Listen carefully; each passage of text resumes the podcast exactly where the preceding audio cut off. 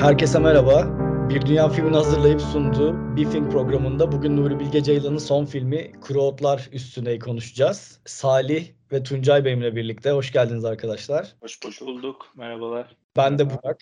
Ee, bunu özellikle söylüyorum çünkü bir arkadaşımdan bu konuda eleştiri aldım. Ee, kendimi hiçbir zaman e, bu girişte tanıtmadığımı ben fark etmemişim. Arkadaşım fark etmiş ve senin sen olduğunu bilmesem sesinden çıkaramazdım dedi. Dolayısıyla e, umarım bundan sonra e, unutmayacağım. Arkadaşıma da buradan selamımı gönderiyorum bana hatırlattığı için. Bu uzun girizgahtan sonra kısaca filmden bahsedeyim. E, Nuri Bilge Ceylan'ın son filmi e, Cannes'da yarıştı biliyorsunuz. Ve Merve Dizdar'ın en iyi oyunculuk ödülüyle e, geri döndü Cannes'dan. En genel hatlarıyla galiba Erzurum'un bir köyünde doğu görevini yapmakta olan Samet öğretmen e, karakterine odaklanıyor diyebiliriz. E, zaten bunu giderek açacağız. Baştan sona bir karakter filmi. Bu karakterin kendi içindeki açmazları aynı zamanda o taşranın Nuri Bilge Ceylan'ın filmografisinden aşina olduğumuz haliyle e, karakteri de sarmalayan dinamikleri içinde böyle bir çeşit e, kayboluşu, e, işte sürekli aklında geri dönmek olan yani İstanbul'a dönmek olan, taşların dışına çıkmak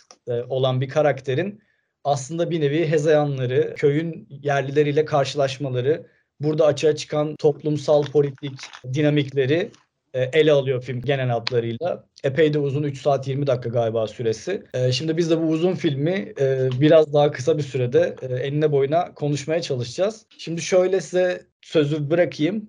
Filmi genel olarak nasıl buldunuzla başlayalım. Daha sonrasında zaten bütün tartışmalı konuların hemen hemen üstünden geçmeye çalışacağız. İstersen Salih senle başlayalım. Filmi nasıl buldun? Çünkü bayağıdır yani Nuri Bilge Ceylan galiba 5 yılda bir falan film çektiği için epeydir bekliyorduk. E, Ahlat Ağacı 2018 yanlış hatırlamıyorsam. E, üzerinden 5 yıl geçti. Ben de burada Toronto'da izleme şansı buldum. Konuşalım. Ben e, direkt fikrimi baştan söylemeyeyim. Konuşarak açalım. Salih senle başlayalım. Evet 2018'deydi Ahlat Ağacı. Ben çok sevmemiştim açıkçası Ahlat Ağacı'nı ilk izlediğimde. Sonra birkaç kez daha üzerinden geçtiğimde neden sevmediğimde kafamda oturmuştu ama Kurotlar Üstüne'yi kış uykusuna yakın bir şekilde sevdim diyebilirim. Hatta Nuri Bilge Ceylan'ın ben ilk dönemlerini daha çok sevdiğim için işte o Mayıs sıkıntısı uzak dönemlerine. Oradan epeyce bir iz taşıyor. Yeni ürettiği sinema dilini o dönemki sinema anlayışıyla sentez edip bir sentez sineması ortaya çıkarmış. Aslında, aslında benim filmle alakalı gözlemlediğim ilk şey oldu sanırım. Bittikten sonra yani aklımda uyanan ilk imge hani bunun bir sentez sineması olduğuydu. Ee, çünkü baktığımda her yerden bir his, her karakter başka bir olayın devamında geçen bir karakter gibi. Hepsini sanki dağıtsak diğer filmlerde yerli yerine oturacak gibi duran karakterlerdi. Beğendiğimi söyleyebilirim. Yani hani büyük bir heyecan yarattı mı? Yok yaratmadı. Ama izlediğim zaman e, olumlu duygular uyandı bende genel anlamda. Benim de çıkış noktası olarak senin tam tersi diyebilirim. Ben Ahlat Ağacı'nı aslında sevmiştim ama çok da sevmemiştim. Yani şöyle oldu. Bu filmi izledikten sonra Ahlat Ağacı'nı ne kadar sevdiğimi fark ettim. Ee, biraz böyle ters bir etki yaptı. Ee, sanki bence ben de ilk filmlerini, e, ilk dönemindeki filmlerini daha çok seviyorum. Sanki biraz Nuri Bilge Ceylan'ın en kararsız filmi gibi geldi bana e, meselesi itibariyle. O yüzden Ahlat Ağacı'na beni sürekli götürdü film ve orada meselesinin ne kadar derli toplu e, ele aldığını, bütün yan olayların, e, karakterlerin o meseleye nasıl hizmet ettiğini e, düşündürdü bana. E, buradaki mesele zaten açarız. Ben şimdi hani çok fazla kendi fikrimi söyleyip meşgul etmeyeyim bu kısmı en azından. E, Tuncay da söylerse oradan sonra bir tartışma başlatırız. Bilmiyorum klişe bir yorum olur ama şanslı hissettim biraz kendimi. Hani bu Türkiye gündeminde Nuri Bilge Ceylan'ı sinemada izleyip ne konuşabilmek bence zevk yani büyük bir zevk hala. Ne kadar kötü film çekerse çeksin bir hafta en azından iki hafta gündemi meşgul ediyor. Salih'le aslında benzer düşünüyorum. Ahlı Tacı bana da zayıf gelmişti. Finalindeki şey hariç. E, baba oğul ve kuyu metaforu hani orada e, babanın oğlun sürekli kazıp bir şey e, çıkaramaması ülkeye dair güzel bir metafor mu artık ne dersek. Onun dışında çok da bir şey hatırlamıyorum yani. Sinan karakterinde mesela çok anlayamamıştım. Ne özdeşlik kurabilmiştim. İtici bir karakterdi yapı olarak da. Evet evet ee, yani İzleyici de zaten sevmesin, özdeşleşmesin diye üretilmiş gibi bir yapısı vardı biraz. Ama kasıtlıydı tabii ya, o da. İşte onu ben tam anlayamamıştım. Burada da o sorun var aslında. Burak senin dediğin gibi hani Samet'le özdeş kurmalı mıyız noktasına geliyor. Oraya girmeden tabii ilk yorumum beni barıştıran bir film oldu Nuri Bilge Ceylan. Öyle söyleyebilirim. İlk defa çok tartışmalı bir şeye gireceğiz ama ilk defa bir karakteriyle özdeşlik kurdum ben. Çok iyi. Tam- sular. Ee, yani Aydın'ı kış uykusunda falan nefret etmiştim mesela hatırlıyorum ne alaka demiştim yani Nur Bilge'nin hep daha detaylı konuşuruz ama Anadolu'ya Anadolu insanına bakışı hep kötümser ve karamsar. Fakat sanki bu filmde karakterlerini yargılamıyor gibi geldi bana. Ben bakmıyor gibi geldi. Ben bir fark olarak, bir yenilik olarak bir olgunlaşma sinemasında bir olgunluk dönemi eseri gibi gördüm. Bunun detayını konuşmalıyız tabii karakterlere nasıl baktığını. İlk bunları söyleyebilirim herhalde.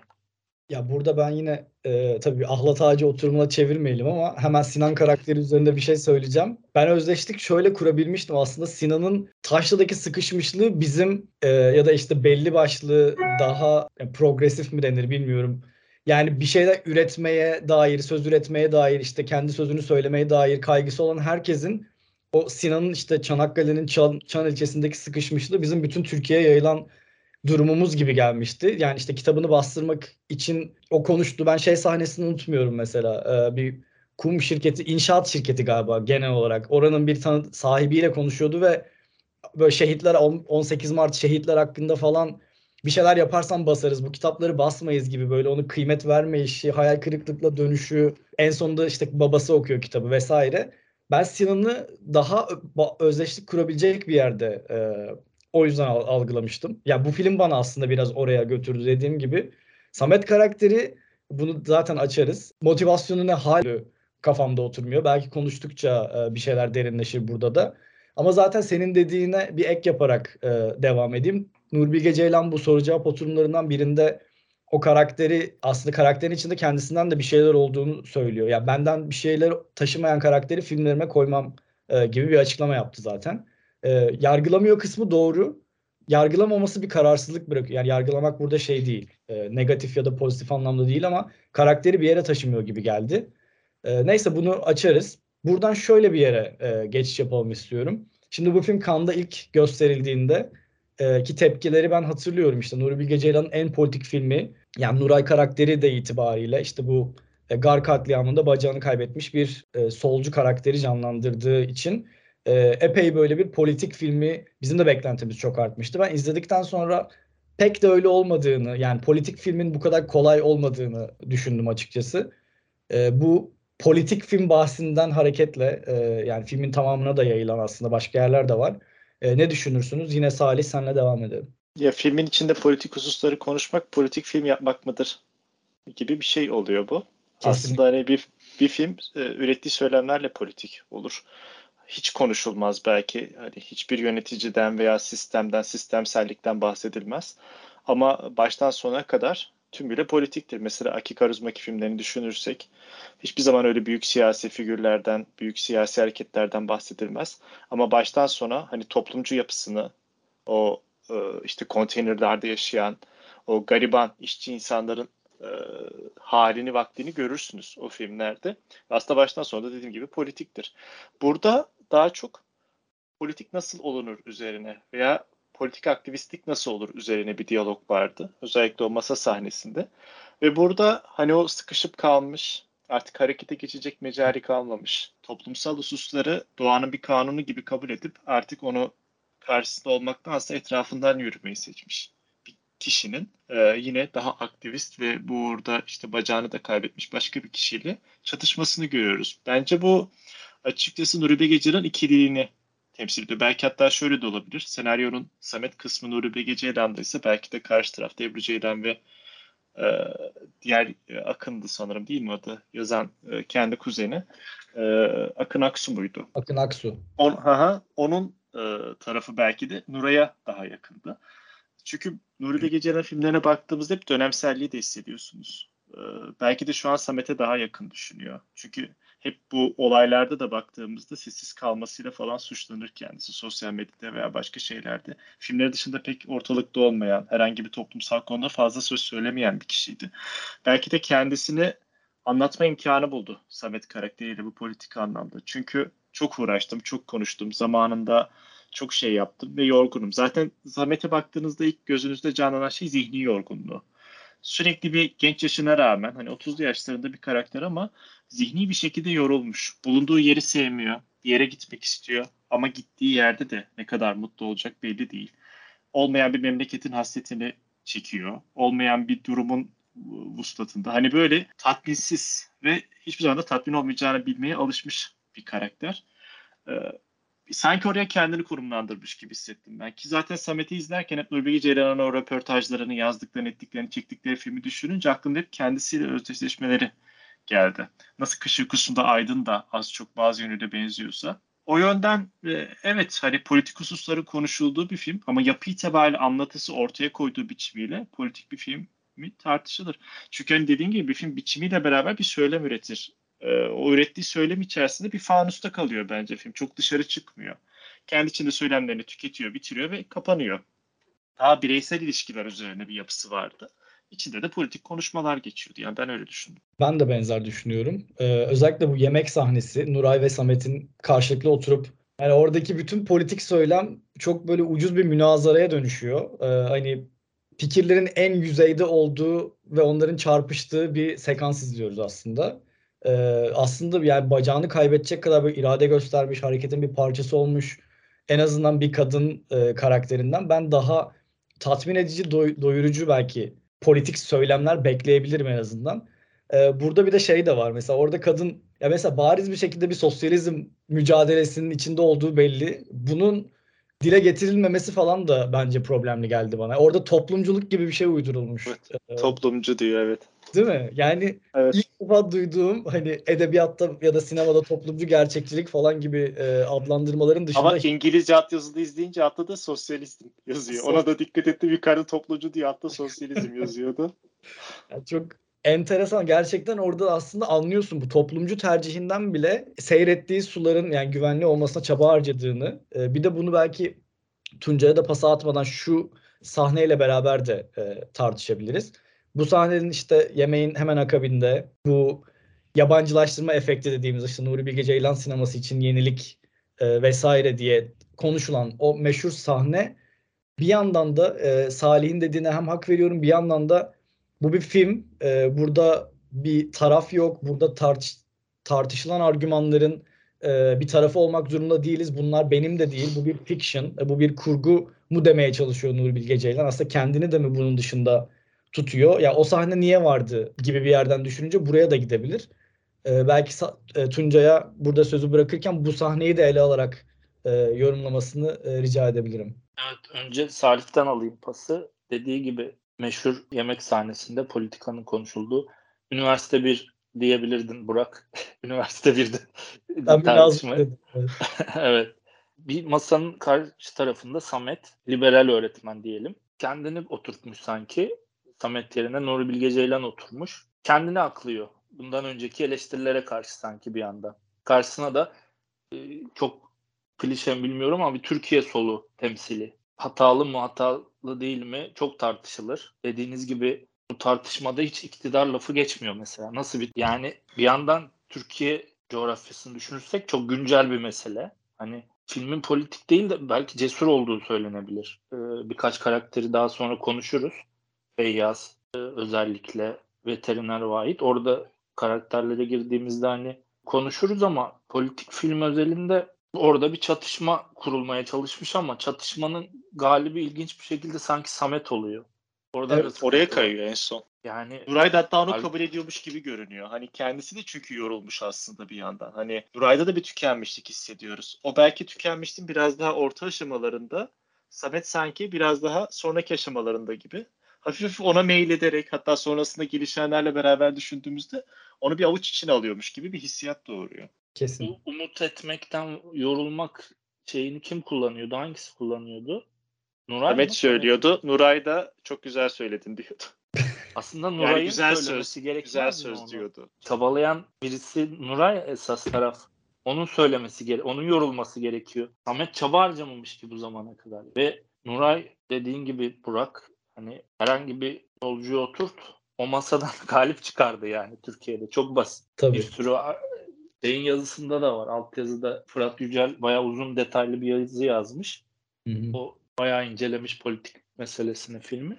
O da aynı şeyi yazmış. Nuray kabullenmemeliydi orada yenildiği. Şimdi buranın devamın sahnesi önemli ama geçmeyeceğim oraya. Kurak günler konuşuruz bir 5 dakika demiştik. İstiyorsanız bir 5 dakika araya girelim mi bilmiyorum. Politik midir? O da çok sevildi, övüldü Türkiye'de. Üçümüz de sevmiyoruz mesela.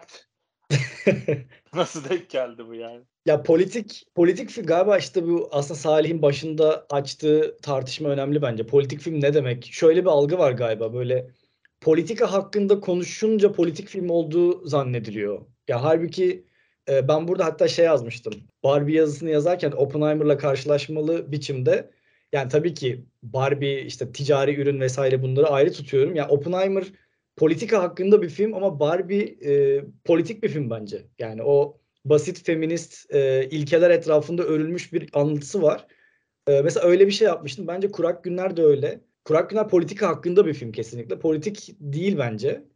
E, Kuru Otlar Üstüne de politika hakkında bir sekansı var. E, ya öbür diğer türlü ya ne taşraya dair ne e, topluma dair böyle büyük bir söz de üretmiyor. Yani bizi bir yere de taşımıyor. Taşra'nın eleştirisini yapmıyor ya da taşrayı bir yere de konumlandırmıyor. Taşra bir dekor gibi kalmış mesela. O e- eğer politiklikten bahis açacaksak illa sol sağ, liberalizm, sosyalizme de gerek yok. Topluma da ışık tutabilir. E, bunu da pek yapmıyor gibi geldi bana. E, bilmiyorum Salih sen ne dersin? Kurak günler için mi? Yani genel kurak günlerle bağlayıp çünkü Tuncay oraya pas attığı için belki karşılaştırmalı gidebilirsin yani. Kısa bir alabiliriz senden. Ya kurak günleri ben de çok sevmiyorum açıkçası. Çok basit bir alegori üzerinden hani böyle e, çok şematize karakterler. Her şey sadece yerine koy- Emin Alper'den beklemeyeceğim Ya- düzlükte bir filmdi. Çünkü tepenin ardını çekmiş bir yönetmen. Olmayan bir düşman yaratıp sürekli onun üzerine düşmanlık besleyerek mevcudiyetini koruyan insanları anlatan bir insandan, hani bir yönetmenden gelip de hani böyle dümdüz ortaya koyarcasına böyle şematik bir film bilmiyorum açıkçası çok ucuza kaçılmıştık gibi gelmişti bana ki işte çeşitli başka temalarla da biraz daha popülist bir tarafa kayıyordu. Yani çok cezbedici bir tarafı yoktu açıkçası. Ortalama Abluka, altı. Abluka ve da akılda. yine çok aşırı Evet. politik bir filmidir yani. Evet. Ve çok güçlü bir filmdi. Anlaşılmasın. Çok güçlü bir Evet. filmdi hani. Ben Tepe'nin 90'lar ardıyla Abluka'yı gayet beğenirim yani. Hatta kız kardeşleri de fena bulmam yine kurak günlere göre. Ama hani Tepe'nin Ardı benim için kendisi adına güzel bir filmdi. O bir de western havası oluşturmuştu Tepe'nin Ardında. Hani Anadolu western'i bizde çok aslında kullanılabilecekken kullanılmayan bir yapıdır. Orada bir western atmosferi de vardı. İşte o kanyonvari ortamların içinde sürekli dağlarda aranan bir düşman vesaire. Ee, ama dediğim gibi dümdüz bir alegoriydi. O Kurotlar üstünedeki siyasi konuşmaların sönümlenmesiyle alakalı belki bir şeyler söyleyebilirim. Eğer şu an konuşabiliyorsam bu konu hakkında. Bir araya geçeceksek. çok ufak. Heh. Mesela Krootlar üstüne de iktidar denmiyor tartışmalı. Şimdi Kültür Bakanlığı'ndan destek alan bir filmde hadi AKP parti ismi alamıyorsun diyelim. Hı. Tam tersi e, kurak günlerde e, Burak hatırlarsın. Biz çok slogan vari böyle cümleler var. Direkt güncel politika alakalı. Bu da yanlış yani. Bu birini yapmak, birinin doğru olduğunu göstermiyor. Bunun bir ince yolu var o politik göndermenin. Sanatçı dokunuşu yok gibi sanki değil mi? O incelik, ince işçilik yok. Hani Evet. direkt kaba yani enter ki Ya yetenekli bunu bir insanken hani bu. konuşmuştuk. E, bu e, deprem felaketinden sonra üçümüz yine konuşmuştuk hani nasıl bir politik sinema yapılabilir. Sen Hı hı. demiştin Salih hani beklememiz 10 sene geçmesi gerekmiyor bir felaketin üstünden. Aslında Emin Alper onun heyecanıyla yapmış ama olmamış yani. Ya Emin Alper muhtemelen yani şimdi Emin Alper'e dön, döndürmeyelim çok hani fazla. sıcağı sıcağına evet Evet. yapmak istemiş ama olmamış evet Bu buradan. seçimde yaklaştığı için bir devri kapatıyoruz. Bu da o devrin kapanışının sineması gibi bence böyle bir şeye kapıldı. Ee, bana öyle geliyor çünkü yani Olabilir. Salih'in dediği şematik bir sinema olması çok doğru. Yani sanki şey gibi işte bu AKP'li, bu CHP'li, bu HDP'li olabilir. Karakterler böyle yani. Tuncay senin de dediğin gibi o sloganvari konuşmalar işte dış güçlerin oyunu falan diye konuşan karakter vardı yani. Evet, Çok evet. eğretiydi Ve şey. finali finalin çok kötüydü. O sahneler telaş koşturma kaçış. Alegori çok kabaydı ya. çok Çok, çok fazla hata, senaryo mantığı hatası. Filme dönelim çok uzatmadan. Bir şey daha ekleyeceğim o yemek masası ile ilgili. Mesela Samet'in liberal olduğunu varsayalım değil mi? Özgürlükçü bir karakter. Nerede yazıldı hatırlamıyorum ama yine mesela devlette de karşı olabilir mesela Samet bir yandan. Devlet kendi özgürlüğünü bastırıyorsa, baskılıyorsa yani Nuray'la ortak bir noktada da buluşmuyorlar. Bir yerde onu isteyebilir, yalandan bunu yapabilir. Hani kötücül bir karakter diyoruz ya, karanlık bir karakter. Onu da hiç e, göstermiyor. Yani Samet Nuri Bilge Ceylan'ı temsil ediyorsa gerçekten Problemsiz. Oraya geliş amacıyla da alakalı olabilir belki karakterin. Bir intikam için geliyor ya eve aslında. Evet. Ee, evet. Onları- Evet, o durumda anlaşılabilir. Onları da bence açarız hani karakter motivasyonu. Zaten Tuncay'a da ben de bir, bir ek yapayım. Ee, belki sonra politik e, bahsi kapatabiliriz eğer ekleyeceğiniz bir şey yoksa.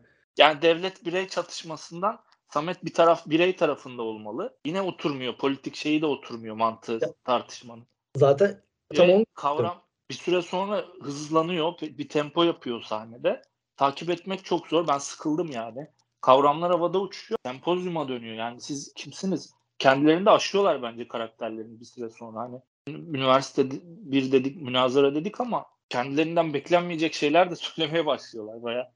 Tabii tabii. Zaten Samet'in e, mesela hep şikayet ettiği, aklımda geldiğim günden beri gitmek var. Aslında bu Samet'i şekillendiren slogan bu yani filme filme dair.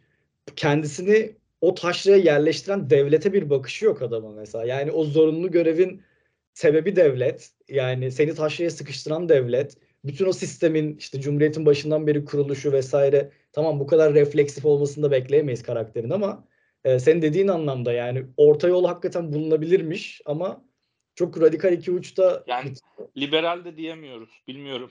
ya Çok işte pasif. apolitik bence yani. Hani Evet, liberal direkt. olamayacak kadar apolitik bir karakter yani. Hani o yüzden motivasyonu belli değil de, de- demek isterken bunu kastediyorum. Ee, yani Samet filme başladı.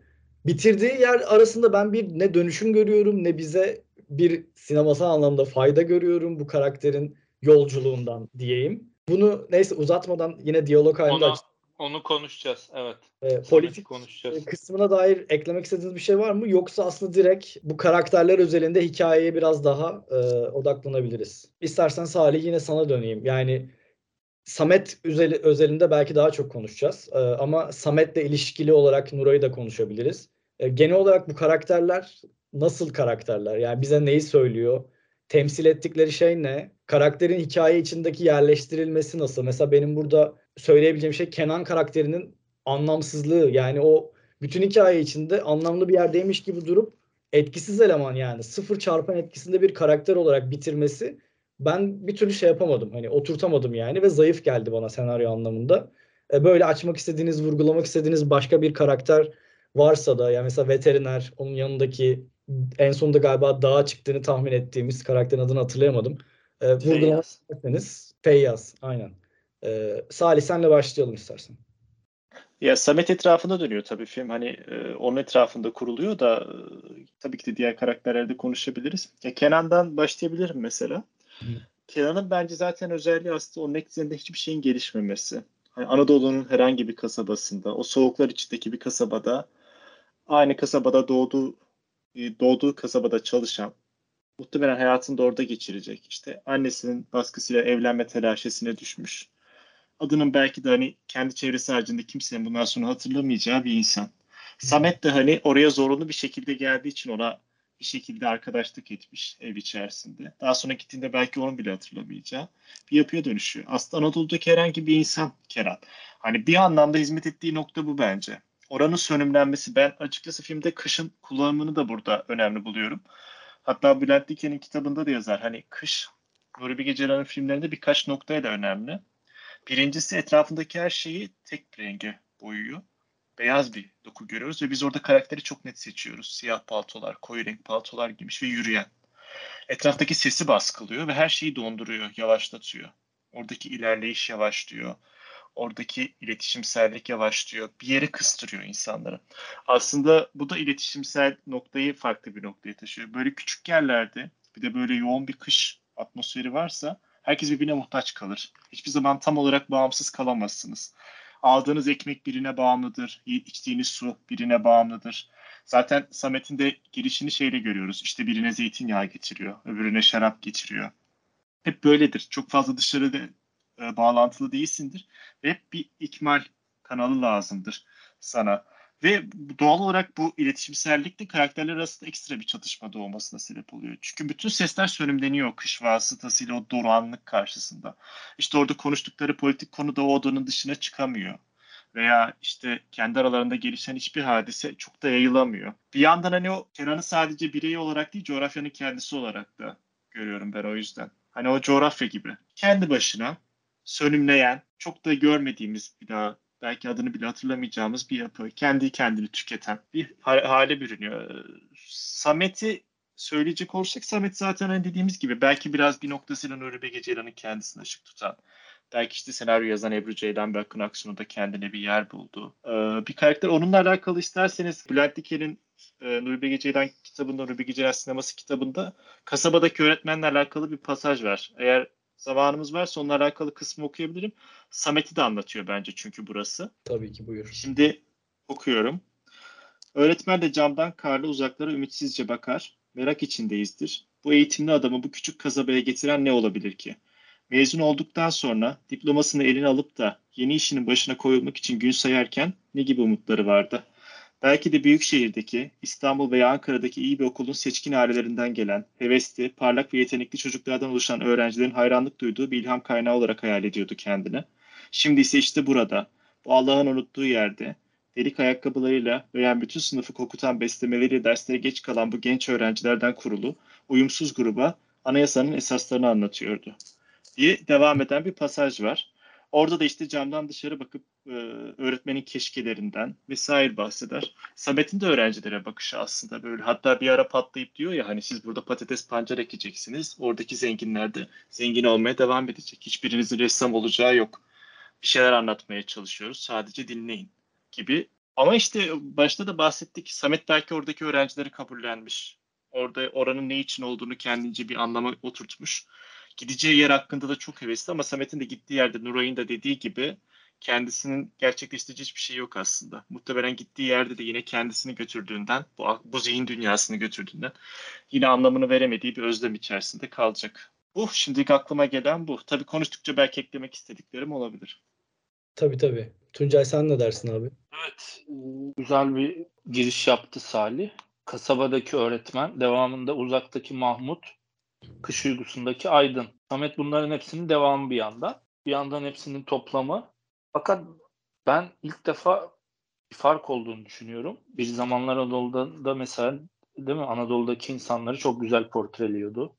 Burada sanki ilk defa batılı Avrupalı bir karakter var. Samet ya belki bundan anlaşılmadı, özdeşlik kurulamadı. Yani bence Samet bir ülkede yaşamıyor. Kafası tamamen Avrupa'da. Yani İstanbul çevresine alışmış. Cihangirli diyebiliriz herhalde Samet'e çok kolay bir şekilde.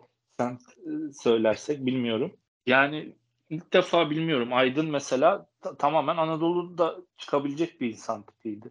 Hani Hı. ilk defa bu tabii finaldeki monoloğa da bağlamamız lazım. Hani filmi çok açımlamak lazım. O yüzden çok girmeyeyim şimdi ama Nuray ve Kenan'dan biraz bahsetsek bu arada. Mesela Kenan olmasa da olur.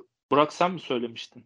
Evet. Ya ben bu Nuray'ı Nuray'ı da katıyorum buna. Abi Nuray da Evet. E, yani üçlü o ilişki aralarındaki çıkar filmden hiçbir şey çıkmaz çünkü bu Samet'in filmi. Baştan girişten itibaren ve esas mevzusu da Sevim'le olan ilişkisi. Onu sonra konuşalım. En sona saklayalım isterseniz. Yani buradaki üçlü ilişki aralarındaki dönen flörtleşme böyle komik e, masada falan.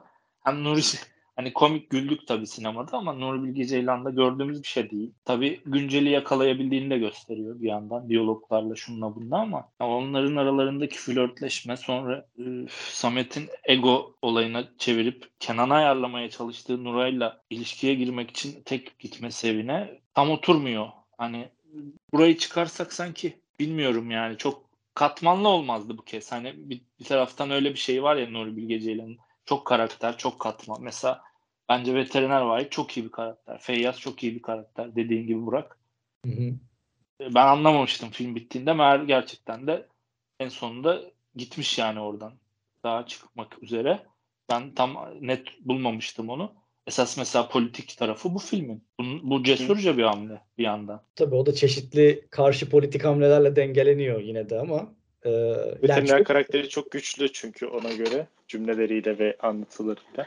Evet, kesinlikle. Yani orada da aynı karşıtlık var. Veteriner White umut etmekten yorulmuş çabalamaktan belki. Feyyaz daha genç. Evet. Ona ta- tavsiye veriyor güya bırak bu işleri ama Zaten sesini Genç- çıkaracak kim olsa filmde onun karşısına bir yorulmuş karakter dikiyor. Hani hep bir atılımda bulunacak, bir adım atacak veya bir söylem üretecek biri olduğunda ya ben bunları çok yaptım ve yoruldum. Pek de bir işe yaramıyor minvalinde bir şeyler söyleyecek bir karakterle sönümlenip daha sonra yine dediğim gibi o karlı kasabanın ortasında kalıyor söylem ve hiçbir yere gitmiyor.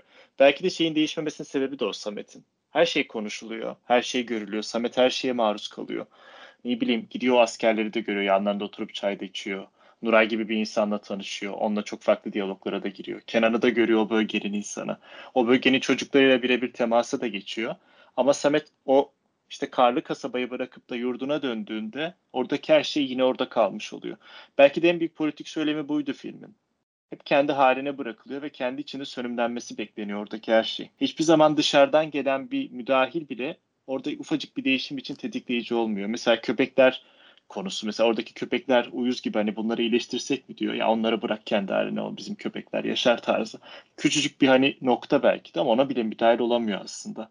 Oradaki köpekler bile kendi halinde hatta görüyoruz ya böyle e, soğuk tipi vuruyor köpeğin suratına. Bir tarafı iyice dolmuş artık. Öyle izliyor kamerayı. Aslında oradaki çaresizliği de bir yandan yansıtıyor gibi. O fotoğrafların da biraz o etkisi var galiba. Çerçeveyi bağlama oturtuyor ve o kısılmışlığı anlatıyor bir yandan. O fotoğrafın içine hapsoluyor karakterler. Çerçevenin içindeki karakterden başka bir şeye dönüşmüyor. Biraz bana o imgeyi hatırlattı diyeyim. Ya burada şöyle bir durum var. İşte biz hep en başından beri ben de öyle açtım. Siz de çeşitli vesilelerle dile getirdiniz. Bu Samet'in filmi. Ee, ya ben burada şöyle bir problem görüyorum. Bilmiyorum siz ne dersiniz? Nuri Bilge Ceylan bence mükemmel bir karakter yaratmış. Ama sanki o karakter bir filmin içinde yaşamıyor hissi var. Yani karakterin etrafında bir senaryo, bir olay örgüsü. Yani kendi içiyle yani karakterin bir çatışması var tabii ki. Bunu inkar etmiyorum ama karakteri en başında söylediğim bir yerden bir yere taşıyan, dönüştüren ya da aynı kalmasını da belli e, toplumsal dinamikler içerisinde ele alan bir olay örgüsü yaratmamış gibi geldi. Çünkü bunu niye söylüyorum? Az önceki aşk üçgeni benim de ilk filmden çıktığımda ya filmdeki her şey Samet karakterinin ne kadar bencil olduğunu vurgulamak üzere yerleştirilmiş küçük birer parça gibi. Bu aşk üçgeninin bence burada olmasının tek sebebi bu. Yani e, Samet karakteri bencil, aslında hiç gönlü olmayan Nuray karakterine en baştan beri yanaşmıyor ama bencil olduğu için belli bir noktada böyle bir itkisi devreye giriyor. E, Kenan'ı devre dışı bırakarak Nuray'la yakınlaşıyor vesaire. Ya, bu olay böyle. Mesela Sevim e, öğrenciyle ilişkisi. E, çok büyük bir mesele var. E, bu adam pedofili mi? Yani tırnak içinde söylüyorum. Öğrencisine ilgi mi duyuyor? Bunu bencil olduğu için mi yapıyor? Üzerine atılı çok büyük bir suçlama var. Taciz Milli Eğitim Bakanlığı'na kadar sirayet ediyor. Kenan da buna dahil. Karakterlerin hayatında hiçbir şekilde dönüşüm olmuyor bu mesela. Çok büyük bir olay. Yani tacizle suçlansanız bunun yansıması bence farklı olur. Ee, zaten Kenan'a hiç gelmiyorum. Karakter tacizle suçlanıyor. Üzerine atılı bir suç var ve yok olup gidiyor filmde ve en sonunda filmin finalinde tekrar karşımıza çıkıyor aslında böyle üçlü bir şekilde tekrar bir arada görüyoruz vesaire. Yani Sevim'le ilişkisi bile Samet'in e, evet bu karakter narsist ve bencil. Bütün e, oklar buna çevrildi ben. Bende öyle bir his e, oluşturdu. Ve elimizde sanki film bittiğinde mükemmel bir karakter kaldı. Ama bu karakterin içinde bulunduğu bir mükemmel bir sinema var diyemiyorum ben nedense. Yani bu karakteri başka bir olayın içine, başka bir çatışmanın içine, e, herkesin karşılıklı etkileşimle dönüştüğü. Ya mesela Sevim hiçbir şekilde etkilenmedi olaydan. Yani en sonunda odasına geldi, tuhaf bir karşılaşma yaşandı, tuhaf bir diyalog yaşandı. E, Samet karakteri özür bekledi. Ya yine orada da Samet bencil e, öğrencisinin kendisinden özür dilemesini istiyor. E, öğrencisi dilemiyor ve yine bu hikayede böyle sönümleniyor falan. E, çok uzattım ama demek istediğim aslında biraz o eleştirmek istediğim kısımlar biraz buralardı. Tuncay sana bırakayım burada sözü. Ya evet Samet'ten devam edelim o zaman. O monologu da konuşalım Sevim'i de açmışken. Ben şöyle okudum. Samet ilk başta Galip de biraz bahsetti. Geçici bir karakter. Orada geçici olduğunun farkında. Orayla bağ da kurmak istemiyor bir yandan. Hani askerle gidip PlayStation oynuyor. Ardından veterinerle Feyyaz'ın yanına gidiyor. Hem orta yolcu. Dediğimiz gibi apolitik. Geçici olduğuna inanıyor. Yani mu- muhabbet olsun diye gidiyor. Katılıyor onlara. Gününü geçiriyor bir yandan. Hani orada bir ideal kurmamış. Herhangi bir ideal yok. Tek istediği İstanbul'a dönmek. Hı hı. Belki hatta bir dünyadan bile değil. Yani Türkiye'den değil dedim ya. e, bu bir eleştiri de olabilir belki. Burak yani yeni dünyanın yarattığı yeni bir insan tipi. Dünyadan değil. Hiçbir isteği, ideali yok. Fakat şurada şöyle bir ideali var en baştan. Burada monologdan anlıyoruz tabii. Bir şeye tutunmuş orada. Şimdi bunu anlatmak, açıklamak zor. Pedofiliyle suçlanıyor.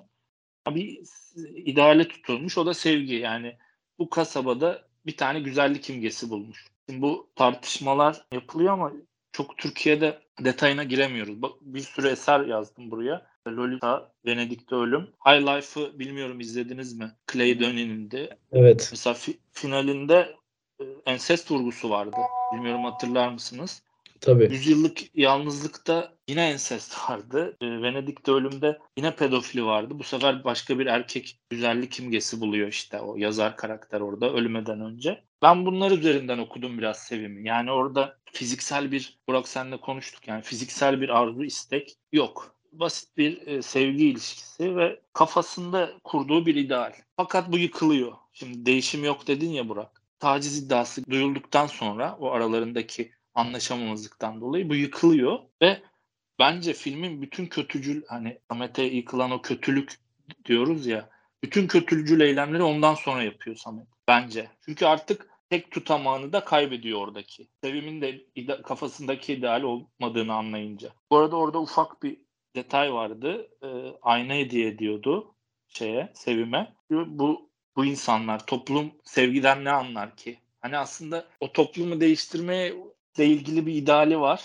bir fikri var ama pasif. Herhangi bir eylemde bulunmuyor. Sadece sevim var, o, o imgeye tutulmuş. Bu yıkılınca Kenan'a yaptığı kötülük, yine sınıfta e, o otoriter konuşmaları, bütün kötücül eylemleri bundan sonra başlıyor işte. O küçük beyinlerinize diye meş- meşhur bir, bence çok iyi sahneydi o da. Çok iyi çekilmiş bir sahneydi. Artık kendini de kaybediyor. Bir karakteri varsa o da yıkılıyor. Paramparça oluyor yani. O monolog bence e, bunu anlatıyor. Bilmiyorum çok da uzatmak istemiyorum ama anlatabildim mi? Ya monolog, e, Salih'e sözü vermeden ben de monologla ilgili bir şey söyleyeyim. Belki sonrasında yavaş yavaş toparlarız e, bir yandan da. Monologdaki aslında Nuri Bilge Ceylan'ın yaptığı biraz bizi bu karakterle bütün bu yaşanan şeylerin ardından bir özdeşleşmeye çağırmak. E, yani çünkü orada çok fazla metaforik işte e, edebi e, imgelem var. E, işte filme de adını veren işte ben burada iki mevsimli bir taşla kuru otlar misaliyim falan diyor kendi hakkında ama bu karakter yani bütün izlediğimiz karakter hiçbir şekilde böyle bir şey metaforu olabilecek ya da bir metafor yapabilecek bir karakter gibi gelmedi bana. Yani hani bütün bunları yaşadık, bu yolculuğu bu yolculuğa çıktık karakterle birlikte. En sonunda bence karakter şarampolden yuvarlandı bu anlamda ve bir monologla karakteri biz geri çağırıyoruz hayatımıza. İşte bir anda şey oluyor. Bu taşraya sıkışmışlık e, yani sanki bir anda monologda biz Samet'i değil de Ahlat Ağacı'daki Sinan'ı izlemişiz gibi. Yani o taşraya gerçekten sıkışmış olan yani taşrayla ilgili bir derdi olan yani derdi şu değil hani ben İstanbul'a döneceğim gibi bir derdi değil de Sinan anlamında taşların içinde bir şeyler yapan dönüştürmeye çalışan ama her seferinde duvarlara çarpıp geri gelen bir karakter ancak bu taşradaki kuru otlar misaliyim metaforuna başvurabilirdi gibi geliyor. Samet'in sen dediğin gibi yani dünyaya dair bir derdi var mı hiçbir şey yapmıyor haliyle o monologla bizi hani bir sıkışmışlık anlatısına e, davet etmesi bana çok inandırıcı ve ikna edici gelmedi. Ben o yüzden monologu ne oldu şimdi bu film neydi ne, neyle sonuçlandı gibi zaten monolog varken o üçlüyü yeniden görüyoruz. O aşk üçgeninin e, parçalarını yeniden görüyoruz. E, bu açıdan yani hiçbir şekilde özdeşlik kurulamayacak bir seviyedeyken yapıldı bu e, çağrı gibi geldi bana. Peki o monolog finalde değil de ilk girişte olsa ne düşünürdün? Hiç düşünmemiştim ama farklı olacağı kesin bence. Bence farkı yok o yüzden işte. Hani Bence farklı olurdu ilk ilk başta bunu görseydik. Yani yani tabii şöyle e, daha hemen geldi karakteri tanımıyoruz. E, o monolog biraz yersiz olabilirdi. olmaz. Ama ben yolculuğun sonunda olması e, isabetsiz oldu gibi. Bilmiyorum Salih sen ne dersin? Ya biz, bence bir meşruiyet e, zemini de var orada. Bence orada Sevim'in yapmak istediği şey öğretmenin o meşruiyetini sarsmak. Otoritesini sarsmak. Çünkü mektubunu alıyor, mektubunu okuduğunu tahmin ediyor ve geri vermiyor. Ve bundan sonra da işte o şikayet süreciyle beraber başlayan tekinsiz hissetme durumu var Samet'in kendisinde. İşte gözlüğü takıyor mesela çıkartmadan etraftaki sürekli insanları kesiyor aslında benim hakkımda konuşuyorlar mı falan diye. Hatta daha sonra da diyor ya herkes duymuş konuşuyorlar bir şekilde falan diye onu da söylüyor. Ve Sevim'in onun o kendini otorite gibi hissetme olayını yıktığını görüyoruz. En son konuşma da aslında biraz e, ona gönderme gibi. Aralıklı olarak gülüyor neden anlamadığım olduğunu anlamadığımız bir şekilde. Birden yüzünü asıyor. Acaba üzülecek mi diyoruz. Sonra ayağa kalkıyor tekrar gülüyor. Geleceksiniz değil mi hocam diyor. Birden e, Samet'in o içinde bulunduğu durumu sürekli afallatır bir halde. Hani ben bu kızın üzerinde gerçekten bir otorite kurabildim mi? Özür dileyecek mi, dilemeyecek mi? Anında birden sarsıyor Samet'i. Hani ve özür de dilemiyor. Kalkıyor kendi kafasında istediği gibi gidiyor. Ve hani Samet orada aslında istediğini elde edememiş oluyor. Oradaki bütün çocuklar üstünde baskı kuran Samet en değer verdiği kişi üzerinde aslında çaresiz kaldığını hissediyor bir yandan da. Çok rahat bir şekilde oradaki çocukları sindirirken, çok ağır konuşabilirken Sevim kendisine bunları yapmış olmasına rağmen kendisine çok da bir şey söyleyemeden sindirilmiş halde kala kalıyor. Bir yandan da monolog belki buna da hizmet ediyordur. Kendini açıklama ihtiyacı hissediyordur Sevim'e. Çünkü oradaki o aralarındaki diyalog yarım kalıyor bir yerde. Belki de yeteri kadar ifade edemiyor kendisini. O monolog vasıtasıyla sesleniyor. Ve şu an yanında da olmadığı gittiği için aslında bir mektup göndermiş gibi. Hani sen orada kaldın. O taşla da büyüyüp yaşlayacaksın. Belki öleceksin. Hayatın hep orada geçecek. Ben buralardayım. Ama işte içimde kalanları da sana bu vasıtayla söylemiş oluyorum. Der gibi bir iması da vardı sanki. Evet yani olabilir. Ya o sevgiden bahsettim ama o eylemlerinde de doğru düzgün gösteremiyor. Belki de sevgisiz büyüdüğü için Samet onu da bilmiyor. Yani sevginin İşte orada bir mesafe koyması var. Dikkat etmişsinizdir. Ayna verdiği sahnede mesela elini böyle arkadan atacak gibi oluyor hemen çekiyor. Saçında bir şey varmış gibi hissediyor. Elini atacak çekiyor. Aslında kendisi de başına geleceklerden haberdarmış gibi sürekli bir temkinlilik hali var. Bu da ekstra canını yakmış olabilir. Ama yine de Çünkü hata ben bu kadar dikkat ederken niye bunlar oluyor der gibi bir hali var. E, o da ona hizmet ediyordur tabii. Bence hatası şu. Taciz konuşuyoruz ya hani aynı alınmaz abi. 7. sınıf mı?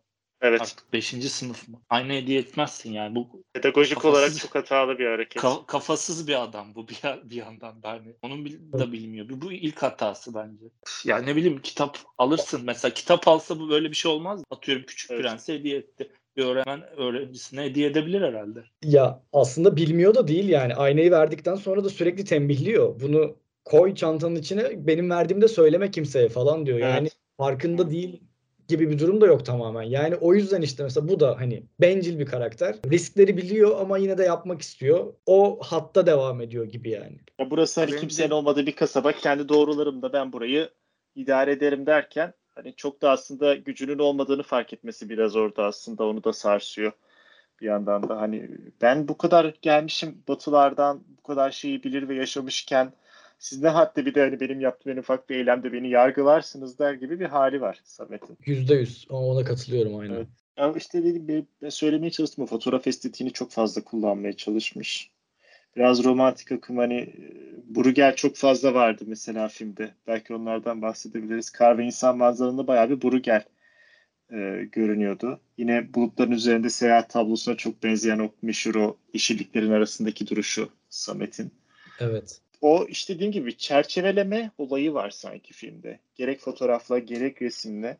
O yüzden dışarı çıkamıyor hiçbir şey. Yani Ben onu çok hissettim biçimsel olarak. Hep bir çerçeveleme, e, hep içinde bırakma ve hapsetme. Monoloğun da Samet tarafından direkt söylendiğini görmememiz, ses olarak algılamamız. iki karakteri de aslında net görmezken hani işte o karımla karla beraber iletişimin kesilmesi. Hep aynı şeylere dönüyorum belki ama bahsetmeye çalıştığım şey aslında değişmemenin sebebi de bu bir yandan da. Hep bir başına bırakılma hali, hep bir hapsedilme hali. Bence o kısımda önemli. Oradaki o fotoğraf estetiğini fazladan kullanması, farklı farklı karakterlerle Ebecem bir yandan da ufak bir sergi yapması e, biraz ona da hizmet ediyor gibi. Ya yine çok kötü yorumlar okuyoruz. hani filme dair. Ee, ya Ağlı Tacı'nda bu daha çoktu ama roman gibi film gibi mesela böyle iddialı bir ifade geçiyor. Yine gördüm burada da. Ya ben Yabancı basında roman- da vardı bu arada. Eleştirilerden Evet, evet. düşük puan Ben verenlerin yorumları o yöndeydi. Ya rom- roman okumamışsınız abi siz. Hani rom- roman bittiğinde böyle hissetmezsin. Bilmiyorum. Bu filmden çıktığında farklı bir şey hissediyorsun. Şuradan devam edebilirim senin yorumundan Salih. E, Bir fotoğraf albümü gibi bir yandan. Ee, şey gibi okudum ben. Hatıra defteri Sa- Samet'in anılarını yazmış. İşte Sevim vakası en büyük şey. O monologda da finalde kapatmış onunla. Evet, Aralara evet, da aralara da Artık- fotoğrafları eklemiş. Hatıra evet. defterine. kesip arasında yapıştırmış hatıra defterine evet. Bu Gayet güzel bir yapı. Böyle bence. böyle okuyabiliriz bir yandan. Ee, Başka şeyi söyleyecektim bir de ek olarak. Çatışmalar dedik ya hep Burak hani e, uzakta mesela Mahmut'la Yusuf arasında bir çatışma. Biri önceden şehre gelmiş. Kış uykusunda Aydın'la ablası arasındaydı sanırım. Ahlat Ağacı'nda da vardı. Burada Samet'in direkt çatışacağı bir karakter yok. Bir, bir iki sahne dışında. E, Veteriner White'le Feyyaz ayrı bir yan karakterler gibi çatışıyor. Bir yandan ben bu tarafından sevdim. İlk defa karakteri bir şeyle çatıştırmak zorunda kalmamış açıklamak için karakterini. Nuray'ı saymazsak. Nuray'ı saymazsak. O da gelip geçici bir karakter. Diyorum ya çıkardığımızda Samet'i yine anlardık gibi geliyor yani. Bir iki eylemi var. Tabii tabii. Bir de dördüncü duvarı konuşmadık. İşte onu ben bir yerde pas vermiştim politik mevzuda. İstersen onu da konuşup bitirelim. Yani çok filme çok bir şey katmayan bir sahne. Konuştuk mesela orada çıkıp Merve Dizdar'la bir sigara içseler, o sahneden bahsetseler atıyorum. Orada meta anlatı olur. Hani çıkmış olursun filmden. Öyle bir şey yapmamış. Daha yaratıcı olurdu bence. Daha hoş olurdu dediğin sahne. Düşündüm şöyle bir. Oturup mesela balkonda ya şurada da şöyle oynadık ama şöyle mi deseydik falan dedik. Nasıl çekeceğiz bu sahneyi falan gibi. Evet. Kahkaha falan atıyorlar arada böyle. Daha farklı bir sahne olabilirdi evet. Direkt seyirciyi koparırdı. Bunu da tam yapmamış. Çok bence amatör duruyor. Yani Nuri Bilge Ceylan Ama o koparmayı gör- yine mekansallık üzerinden yapmış. Nuri Bilge Ceylan dediğim gibi yani mekansallık üzerine çok oynayan bir yönetmen olduğu için koparmayı da yine oradan yapıyor. Hani o stüdyodaki o kurduğu gerçekçi atmosferi dışına da yine aslında bakın burası bir stüdyo diyerek çıkarıyor kişiyi. Ee, bu karakterler çok- ve diyaloglar ekseninden ziyade. Ya bizim için çok sinema 101 hani norm geleneksel seyirci için bu çok şaşırtıcı ve Çok zekice ve etkileyici bir sahne değildi bence de. Hani izledikten sonra wow demiyordum. Hani ben, ben demedim açıkçası. Ben çok eğreti bulmuştum ya izledikten sonra da. Çünkü az önce de anlattım. Yani Tuncay da söyledi. Ya bir şeye hizmet etmiyor gerçekten. Ha, etmek zorunda mı? Ee, bilmiyorum ama kendisi bunu zaten yine soru cevapta da söylüyor. Bir yabancılaştırma etkisi olarak kullanmak istedim. Hatta 3-4 farklı yerde çekmiş bunu. Ee, filmin başka kısımlarında da e, koyabilirdim ama orada koydum ve hoşuma gitti falan diyor böyle. Bir yabancılaştırma Orada, orada koymasının sebebi de muhtemelen en hararetli tartışmanın orada yaşanması. İşte Evet. oraya koyduğu için de ben ilk başta söylediğime geri dönüyorum. Evet, evet. Sanki burada iki tarafta bir münazara şeklinde bir fikir tartıştırıyor ve bu fikirlerden herhangi birinin bana ait olma sanrısına kapılmasın izleyici diye ben tam da burada e, gerçeklikle kurgu arasını net bir şekilde çiziyorum mu acaba bize demeye çalışıyor. Çünkü bu makul düşünce bence. orada o sahnenin Kendini de aklıyor an- yani. Bunlar karakter. Bunlar Evet. beni temsil etmiyor bir yandan. Yani hem bir yandan mı söylüyor acaba? Bakın ödenek verin biz burada film çekiyoruz başka bir şey. Evet olabilir biliyor musunuz? Ya olabilir bir yandan da. Gerçekten dediğim gibi çok hesap edilmiş. Çok e, her karakter ayrı dengelenmiş. Yani işte Feyyaz karakteri diğer veterinerle ayrı dengelenmiş. İşte neyse çok detayına girmeyeyim yani o kısımların ama genel olarak böyle. E, var mı eklemek istediğiniz başka bir şey? Ee, Beğenmediğim bir tarafı da şuydu. O konuştuk politik gerilim. Yemek masasında konuşulan siyasi muhabbet. Burada mesela bir politik gerilim var iyi kötü. Fakat devamında bu e, cinsel gerilime dönmüyor. Yani iki karakter arasında bir istek çekim yok. Fakat birlikte oluyorlar. Buradaki motivasyonu tam anlayamıyoruz. Samet'inki belki anlaşılabilir. Bir intikam duygusuyla gidiyor orada Kenan'da güya. Nuray'daki tam anlaşılmıyor. Sonra devamında bilmiyorum bir iki saniye sonra Nuray çat kapı evlerine geliyor. Durumu açıklıyor. Ben niye bu işi yaptım? Yani bizim sorduğumuz soruyu Nuray neden birlikte oldu Samet'le diye sorduğumuz soruyu sahnede açıklayıp geliyor diyor ki ben de hayatta nerede durduğumu öğrenmek istedim. Kendimi denedim. Yani karakter kendini açıklıyor. Bu da mesela sinemasında bir geriye gidiş Nuri Bilge'nin. Çünkü daha önce ben hatırlamıyorum böyle bir şey yaptığını karakterlerin. Evet biz onun zaten kırılmışlığını ve bir sürü yaşadığı olumsuz şeyleri görmüştük. Orada hani kendi içinde olsa bir şeyler yapmak istemiş olabilir diye düşünür veya çok başka şeylere girerdik zaten. Orada hani karakterin kendisini gelip izah etmesine çok da gerek yoktu. Tabii Kenan'a izah etmesi belki de hani Kenan için farklı bir anlam ifade edebilir ama e, hani evet. Ya- Farklı bir şekilde gösterebilirdi bunu yani sinemasıyla, görsel bir şekilde. Olabilir. Ben Nuray'ın e, o sahne içindeki aldığı pozisyonu da bayağı saçma buldum açıkçası. Yani o ana kadar bariz bir şekilde Kenan'a ilgi duyan bir karakterdi Nuray. Yani ilgileniyordu, işte konuşuyorlardı, mesajlaştıklarını biliyoruz, öğreniyoruz vesaire ve yemeğe beraber davet ediyor zaten. Aslında bir niyeti de yine Kenan'la bir şekilde bir arada olmak. Orada Samet karakteri Kenan'ı ekarte edip geldiğinde eve hemen buyur etmiyor hatırlıyorsanız. Yani bayağı bir önce şok oluyor. O nerede? Aa niye gelmedi ki falan diye sorguluyor. Böyle tuhaf bir an yaşanıyor kapıda. Sonra içeri giriyor. Ve oradan sonra aslında hiçbir şekilde ben beklemiyordum bu yakınlaşmanın olacağını. Ee, çünkü hele o masadaki politik tartışmanın üstüne saflar bu kadar net ayrışmışken hiç hesapta yok olmayan bir ilişki, e, cinsel ilişki çıkıyor ortaya ve bu da sadece işte Nuray karakterinin bacağının olmaması, kendisini bedensel anlamda eksik ve yetersiz hissetmesi ve bunun ilk kez belki de herhangi biri tarafından arzulanabilir olacağını mı denemeye çalışıyor. Eğer böyleyse ya tabii ki bununla empati kurmak çok zor ya. Bunun hakkında ahkam kesmek de istemiyorum ama bir şekilde beni ikna etmeyen bir yerde bitiyor bu e, sevişme sahnesi vesaire. Ve sonra geldiğinde Kenan'a çok böyle yakın arkadaş muamelesi yapıyor mesela. O eve gelip açıkladığında da biz seninle çok yakın arkadaştık vesaire. Hani halbuki böyle bir şey kurulmamıştı yani. Çok bariz bir flörtleşme vardı. O yüzden bunlar hiç bana şey gelmedi. Hani çok zayıf geldi. Çok böyle alelacele yani işte yine dediğim gibi Samet'in durumuna hizmet etsin diye yazılmış e, sekanslar olduğu için çok üstüne düşünülmemiş gibi geldi bana. Yani itici buluyordu hatta Samet'i. Değil mi? Nuray? Yüzde yüz yani. Hele o masadaki dediğim gibi konuşmadan sonra daha da etici bulması lazım. Hani o şeylere çok girmedik. Hani işte kendini feda eden IŞİD canlı bombalarıyla falan kıyaslıyor toplum için bir şeyler yapmaya çalışan, irade gösteren insanları. Ve o kadın e, IŞİD'in bir saldırısında aya- bacağını kaybetmiş. E, hani Evet. Çok helak kötü yazılmış. Çok kötü yazılmış bir sahne. Gerekirse yaparım diyor ya empatiyi de zaten. evet yani. Nuray'ın orada lafı olmalı ya. Evet. E, yani. Kesinlikle çok çok zayıf kalıyor yani. En sonunda böyle sinik bir şekilde bitiriyor Nuray ve dediğim gibi daha da teslimiyeti onun cinselliğiyle hani e, sonuçlanıyor. Neyse Ya bunu- Samet işte bir sönümleyici karakter olarak yerleştirilmiş. Filmin genelinde var bu. Her şeyi sönümlüyor üzerinde. Hani çarpan bütün topları emiyor ve gücünü azaltıyor gibi bir şey. Kenan da ona karşı hiç efektif değildi.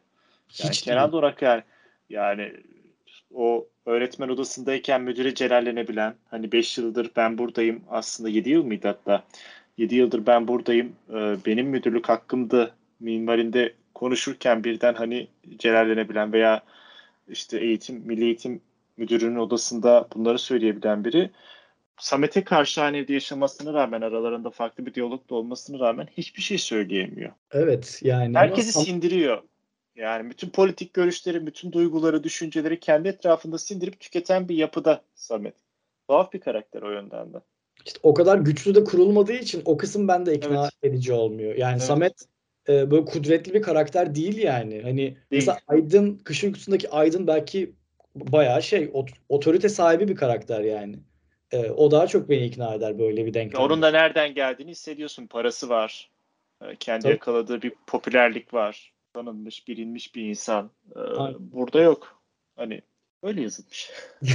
ve, ve finalde de bu üçlünün ilişkisi hiçbir şey olmamış gibi devam etmemeli bence. Yani Kesin. arkadaşça devam ediyorlar. En azından Kenan o denklemde olmamalı yani. Bence o Birinin çıkması lazım. aynen öyle. Ya da Nu- Nuray'ın zaten çıkması lazım. Hele o evdeki karşılaşmadan sonra evi tırnak içinde bastıktan sonra e, Kenan telefonuna cevap vermedikten sonra e, evet yani. Neyse bunu epey konuşuruz bence. Daha bir, bir, bir saat daha konuşabiliriz ama bir yerde sınırlamak gerekiyor. Epey keyifli oldu. Epey de şeye değindik bence. Çok fazla e, açıkta bıraktığımız şeyler olmadı bence. Yani bir oyunculuklara değinebilirdik ama zaten hani çok aşikar şeyler. E, her biri ayrı ayrı çok iyiydi ki Merve Dizlar ödüllendirildi. Bunu girişte de söylemiştim. Çok teşekkürler. Ağzınıza sağlık. Görüşmek üzere bir sonraki podcastlerde. Ben de teşekkür ederim. Görüşmek üzere.